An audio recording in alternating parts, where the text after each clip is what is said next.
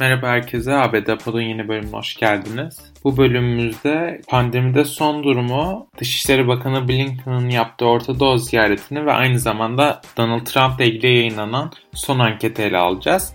İlk başta pandemiyle başlayalım. Geçtiğimiz hafta pandemi açısından kritik bir haftaydı ABD için çünkü bildirilen sayılara göre geçtiğimiz hafta Uzun bir süredir ilk defa vaka sayıları bu kadar düştü. %27'lik bir düşüşten bahsediyoruz. Ve bu düşüş açılmaya rağmen olan bir düşüş. Yani aslında ABD'de hayat neredeyse normale dönmüş durumda ve buna rağmen kritik bir azalıştan bahsediyoruz vaka sayılarında. Çünkü bildiğiniz gibi aşı konusunda başarılı politikaları devam ediyor eyaletlerin ve Biden yönetiminin. Neredeyse ülke genelinde 20 yaş altı gençlerin bile aşıya ulaşabilmesi mümkün durumda şu an Amerika Birleşik Devletleri'nde.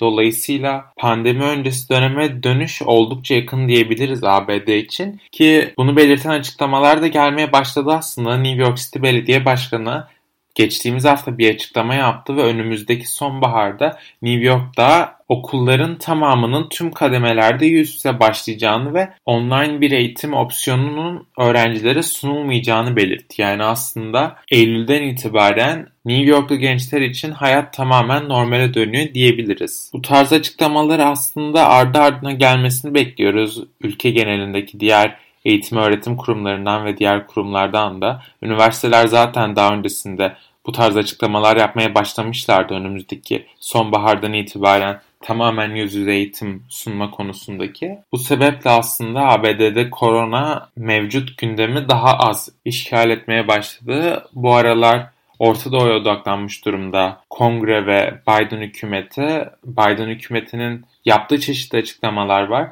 Kongreden gelen destek ve tepki mesajları var.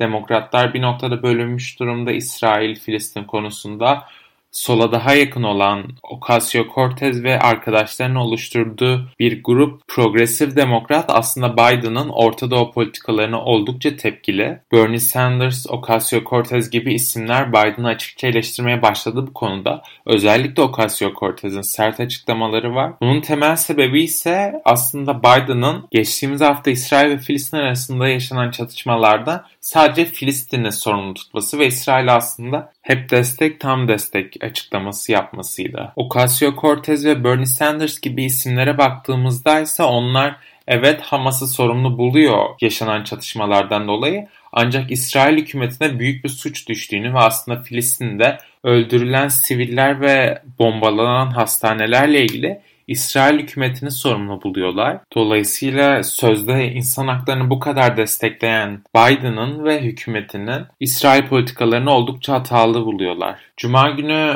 taraflar arasında Mısır'ın ara buluculuğuyla zaten bir ateşkes başlamıştı ve Dışişleri Bakanlığı öncülüğünde bir heyet ABD'den Orta Doğu'ya ziyarette bulundu olay yerlerinden bilgiler almak için çeşitli ve bu ziyaret sırasında Dışişleri Bakanlığı yetkililerine çeşitli sorular yöneltildi. Bunlardan biri çatışmaların tekrar başlayacak olup olmaması ile ilgiliydi. Yani aslında Netanyahu'nun bir açıklaması vardı. Hamas yok olana kadar, Hamas'ın varlığı yok olana kadar İsrail'in savaşmayı sürdüreceğini belirtmişti. Netanyahu yaptığı açıklamasında ABD de zaten Hamas'la mücadeleyi destekliyor. İsrail'in Hamas politikasını destekliyor Biden'ın yaptığı açıklamalara göre. Dolayısıyla Dışişleri Bakanlığı yetkilisi de bu yönde bir açıklama bildirdi. Yani aslında İsrail'in mücadelesinin ve ABD'nin İsrail olan desteğinin Hamas'ın iyice güç kaybedinceye kadar devam edeceğini belirtti. Bunun dışında aslında İsrail ve Filistinli yetkililerin Washington'da ağırlanmasının mümkün olup olmadığı merak konusuydu. Yani aslında Biden'ın bu tarz bir niyeti olup olmaması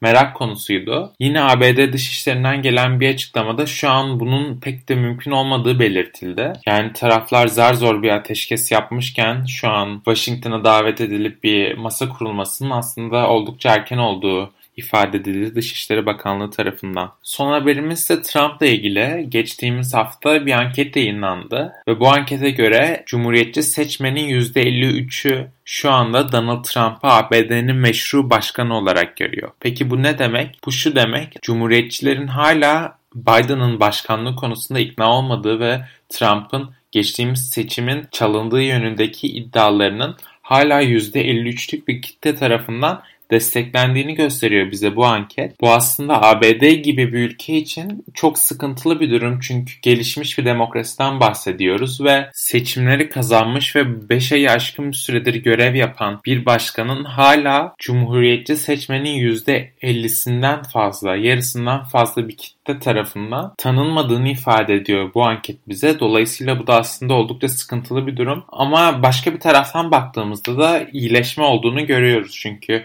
yine benzer bir anket bir ay öncesinde yapıldığında bu oran %59'du ve %53'e düşmesi aslında bize gösteriyor ki Trump'ın kamera karşısında olmadığı her gün aslında ABD'nin ve ABD demokrasisinin onarımının hızlandığını gösteriyor. Yani aslında bu şekilde devam ederse ABD yani Trump siyasi arenadan bir süre daha uzak kalırsa bu oranın birazcık daha düşmesi ve Biden'ı tanıyan cumhuriyetçilerin oranının biraz daha artması aslında oldukça mümkün gözüküyor. Bu haberimizle birlikte bültenin sonuna geldik. Dinlediğiniz için teşekkürler. Haftaya görüşmek üzere.